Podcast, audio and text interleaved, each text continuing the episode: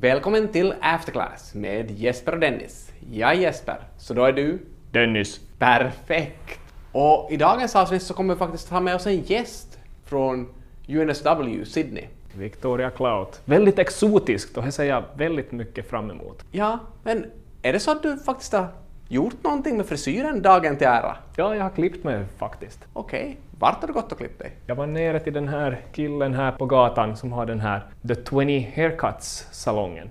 20 haircuts, så han kan bara göra 20 frisyrer? Ja, alltså det kostar 20 euro per gång, därför 20 haircuts. Okej. Hur ofta klipper du dig sådär vanligen? Kanske sådär en gång i månaden. Hur ofta klipper du dig? Ja, det är väl ungefär detsamma, men jag har faktiskt haft en sån här dröm eller en tanke att om man blir riktigt lyckad eller framgångsrik, så då ska man faktiskt kunna klippa sig varje morgon, kanske en sån här en egen frisörstol som man har på kontoret samtidigt som man sätter upp arbetsdagen eller svarar på de här första mejlen på morgonen. Låter ganska lyxigt. Det var ju den här presidentvalsdebatten i, i USA här i veckan. Och eh, det verkar ju faktiskt som att Trump lever lite, eller har levt lite av den här drömmen som du beskriver här. Hans det här beskattningssiffror hade ju kommit fram, eller New York Times hade läckt dem på något vis. Och där stod det att han hade dragit av frisörskostnader för cirka 70 000 dollar i året. Okej, och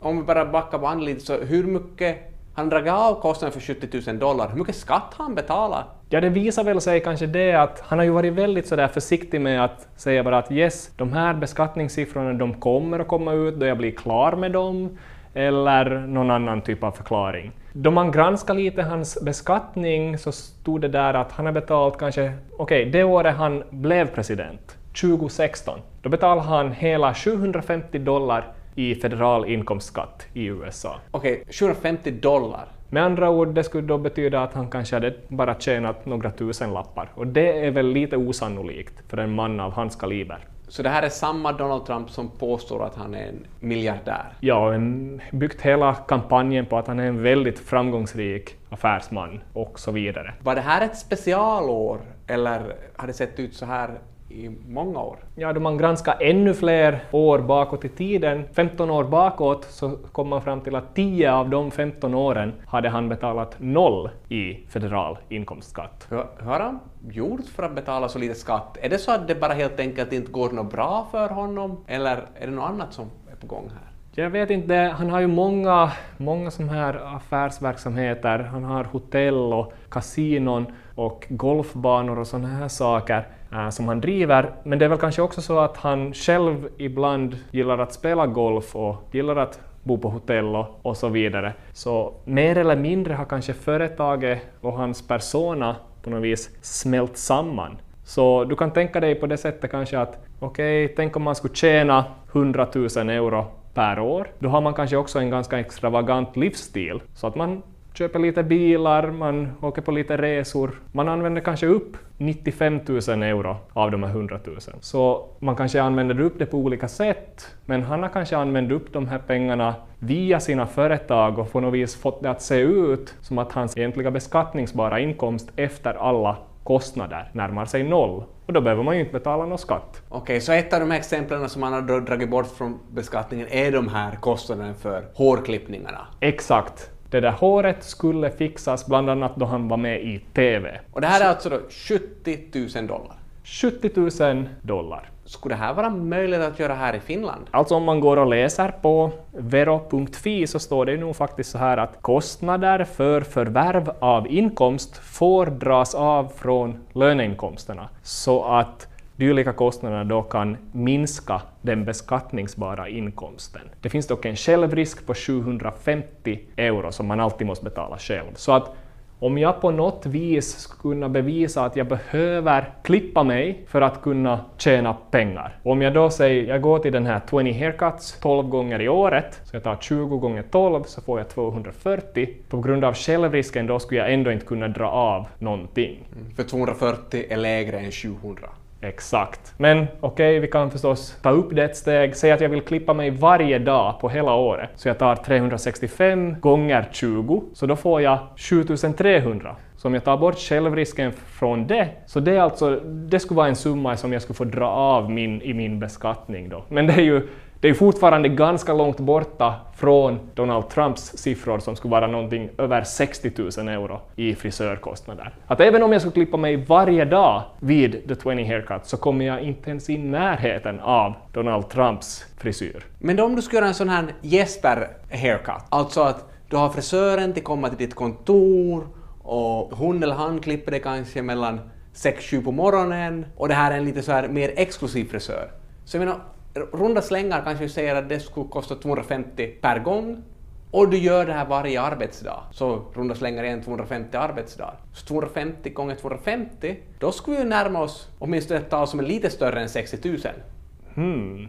Ja, alltså då du lägger det på det viset, om Jesper skulle vara lite mera som Trump, då skulle han komma upp till lite samma summor. Men det är fortfarande, det känns väldigt extremt. Du skulle klippa dig alltså varje dag. Ja. Varje arbetsdag. Ja, kanske lite för mycket. Men jag tror vi slutar prata om det här och så går vi vidare till vår gäst. Så nu tror jag också vi kommer att byta språk. Vilket språk ska vi ta? Ja, vi tar engelska. Okej, okay. vi kör. Let's go!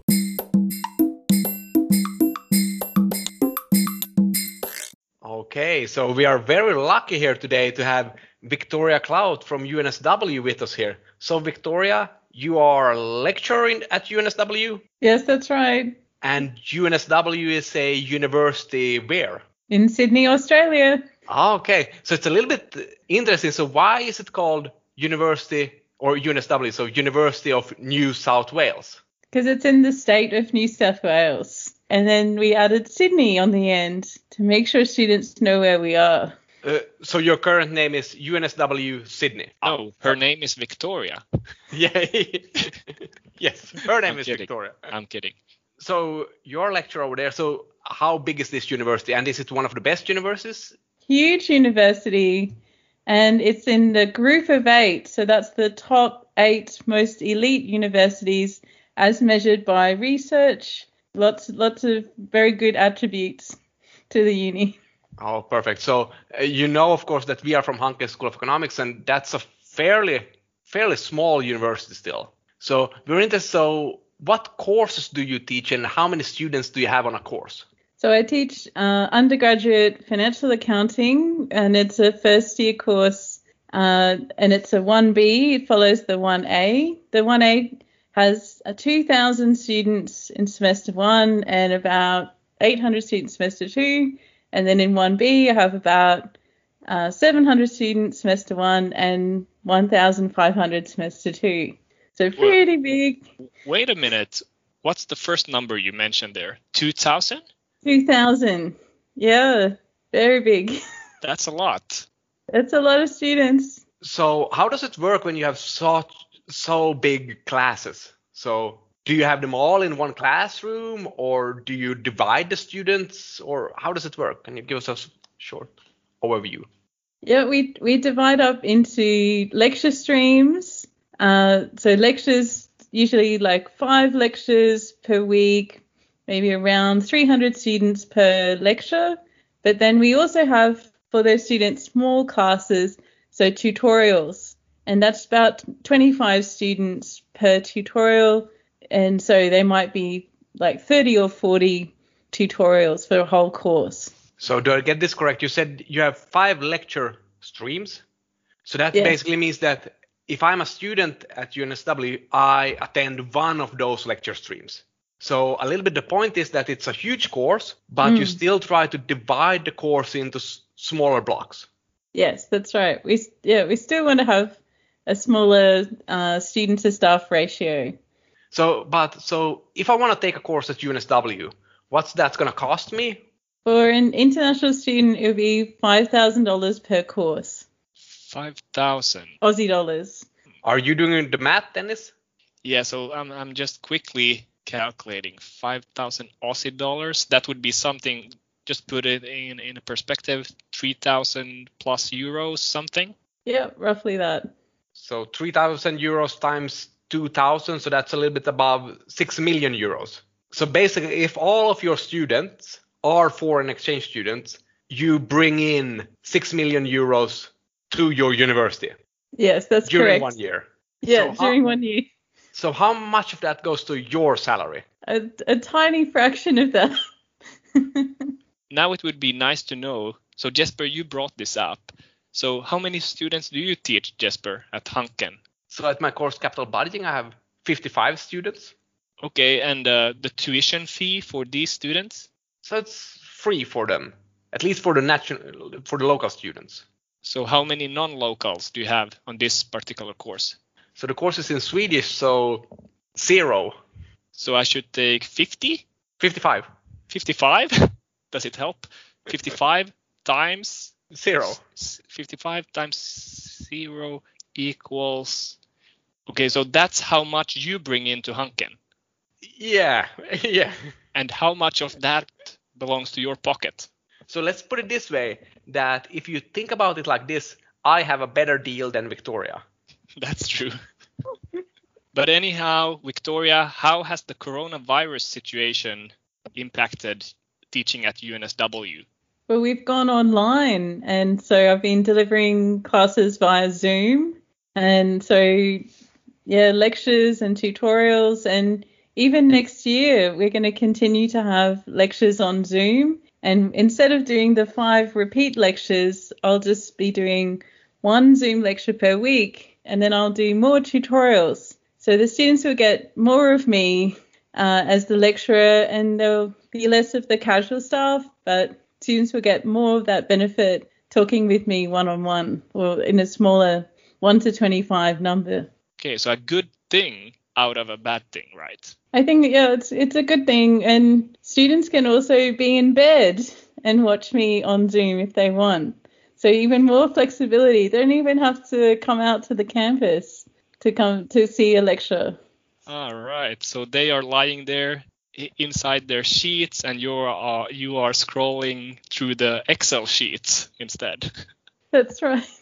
Uh, one thing I'm a little bit curious about as well is if you are teaching 2,000 students, do you feel like a superstar on campus? Sometimes they It's do all- recognize me and nod and occasionally buy me a coffee. So there's some perks. Or if I'm in a shop, sometimes the students will serve me. And one time, as, uh, there was a student behind the counter and she said to the other sales staff, That's Victoria. I have to serve her. And, and her colleague went, Is she a superstar? Is she famous? And her and, and she went, no, sh- even better. She's my lecturer in accounting. in accounting, because accounting's so important. Could we say that without accounting, no business? That's I would. That's a fair call. Accounting's the language of business. It's the cornerstone. It's very important. I hear you. So- Do you hear some- us, Jesper? So uh, we might need to cut this away or do something about it, but no, good, good. So it seems like you have, I mean, you have big courses in Australia or at UNSW, at UNSW Sydney, but is education big business in Australia? Oh yes, it's Australia's third largest export after we've got iron ore, coal, and number three, higher education. Okay, so that's that's very impressive. So since higher education is such such a huge part of Australia, uh, has the has this been affected by the COVID crisis at all? Oh, definitely. It's it's been big hit to higher education, and the universities have been begging the federal government to even allow international students to fly into Australia. And there's just this ongoing uh, drive to, you know, somehow get the students back to Australia. So it's been, it's been a big impact. Yeah. Okay, so the problem is that the students, so your international students, so where where does your international students come from?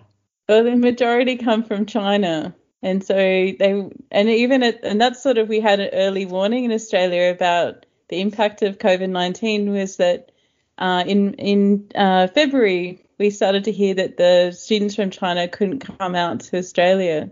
So, yeah, we've had big um, proportion of students coming from China. So, yeah, big impact. Okay, so it's kind of problematic to get basically to get the students into the country because of the travel restrictions. That's correct. So I have to ask you as well, Victoria, talking about international students and maybe international schools, have you ever heard about Hanken School of Economics? Oh, yes. We've had a very distinguished, very famous visitor to UNSW, Jesper, that you're, you're very famous in Sydney. People talk about you all the time.